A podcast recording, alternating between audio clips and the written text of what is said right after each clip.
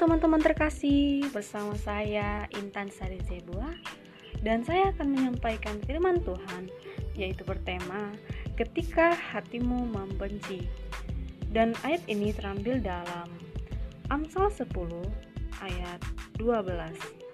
Saya akan membacakannya. Kebencian menimbulkan pertengkaran, tetapi kasih menutupi segala pelanggaran.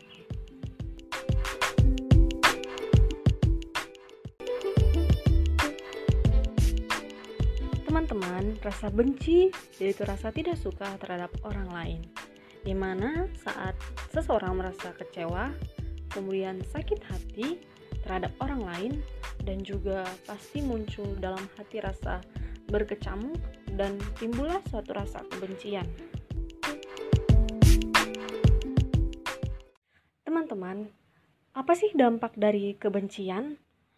Yaitu ada banyak hal dan pastinya itu pasti membuat hati kita mulai terganggu dan juga tidak merasa bahagia. Kemudian timbulnya penyakit atau kesehatan juga terganggu. Nah, teman-teman, itu adalah dampak dari suatu kebencian yang pastinya akan merugikan diri kita sendiri.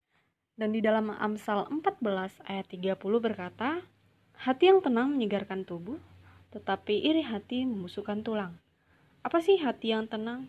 Itu penuh kasih, lemah lembut, dan pastinya tidak ada rasa dendam, kemudian rasa benci. Nah, sebaliknya dari iri hati, itu pasti memiliki um, rasa dengki, dendam, tidak puas, dan juga rasa kebencian. Dan dampak itu pasti akan membusukkan tulang.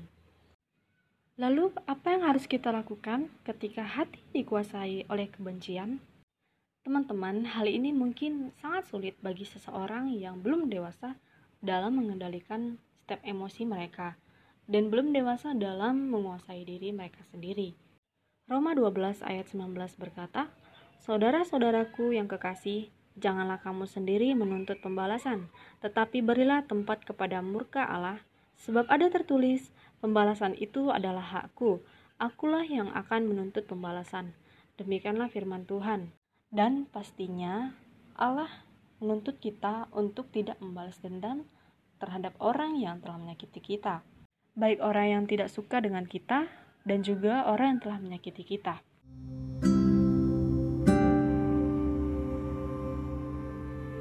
Karena itu, teman-teman, kita sebagai anak-anak Kristus harus lebih bijaksana dalam menjaga hati kita, menjaga kekudusan kita, sehingga hati kita tidak mudah tersakiti oleh perkataan orang lain dan juga mungkin perlakuan orang lain terhadap kita.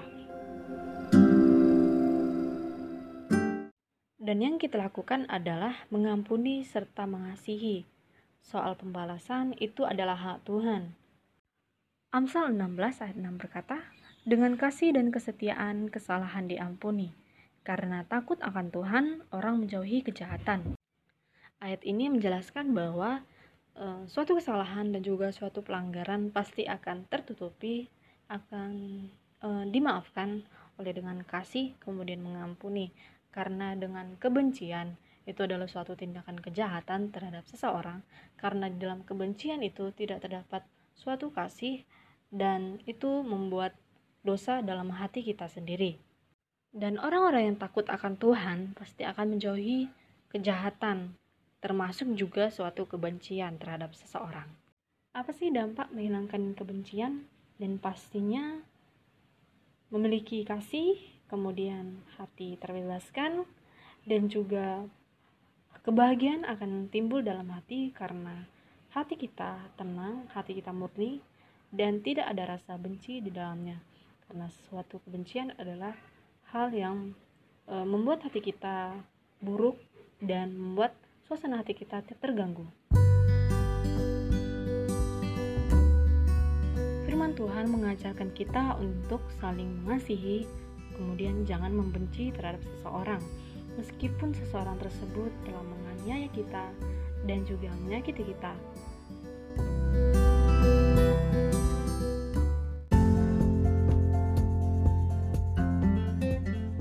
Kita mengampuni orang lain, kita membebaskan diri kita sendiri dari kebencian. saya akan memberikan ilustrasi mengenai buah kentang. Ada tugas anak sekolah, mereka disuruh membawa kentang ke sekolah dengan meletakkan nama-nama sebanyak-banyak mungkin. Keesokan harinya mereka membawa kentang dan menanyakan satu sama lain berapa kentang yang bisa mereka bawa. Ada yang membawa 10, ada yang membawa 5, dan juga ada yang membawa 3 kentang. Dan pastinya salah satu anak sangat bangga karena bisa membawa kentang sebanyak-banyak mungkin. Dan guru mereka menyuruh untuk membawa kentang tersebut selama satu minggu dalam setiap harinya. Kentang tersebut harus diikat, kemudian digantungkan di leher. Dan selama pelajaran, mereka harus membawa kentang tersebut yang telah digantung di leher.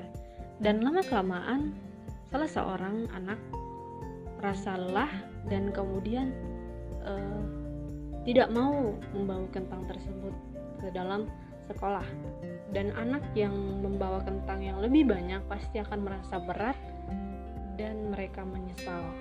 Salah satu anak merasa menyesal karena membawa kentang begitu banyak sehingga terasa berat, belum lagi kentang tersebut semakin lama membusuk. Kemudian guru mereka berpesan, beginilah efek dari rasa benci terhadap seseorang membawa beban dalam hidup ke mana pun. Dan itu sangat merugikan diri kita sendiri. Jadi marilah belajar untuk memaafkan dan tidak untuk membenci seseorang. Dan jangan membawa kentang busuk ke dalam hidupmu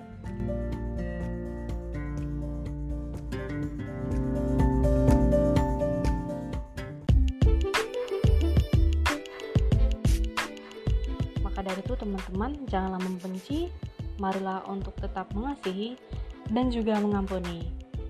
Oke teman-teman, begitulah firman Tuhan yang telah saya sampaikan. Semoga firman yang telah saya sampaikan boleh memberkati saudara dan juga teman-teman dan juga teman-teman dapat menerapkannya dalam kehidupan sehari-hari. Dan saya berharap teman-teman dapat e, melakukannya dan dengan kekuatan Tuhan Rajinlah untuk berdoa, meminta pertolongan Tuhan, sehingga semuanya boleh mudah dilakukan. Saya Intan Sari Zebua akan mengundurkan diri. Salam damai dan Tuhan Yesus memberkati.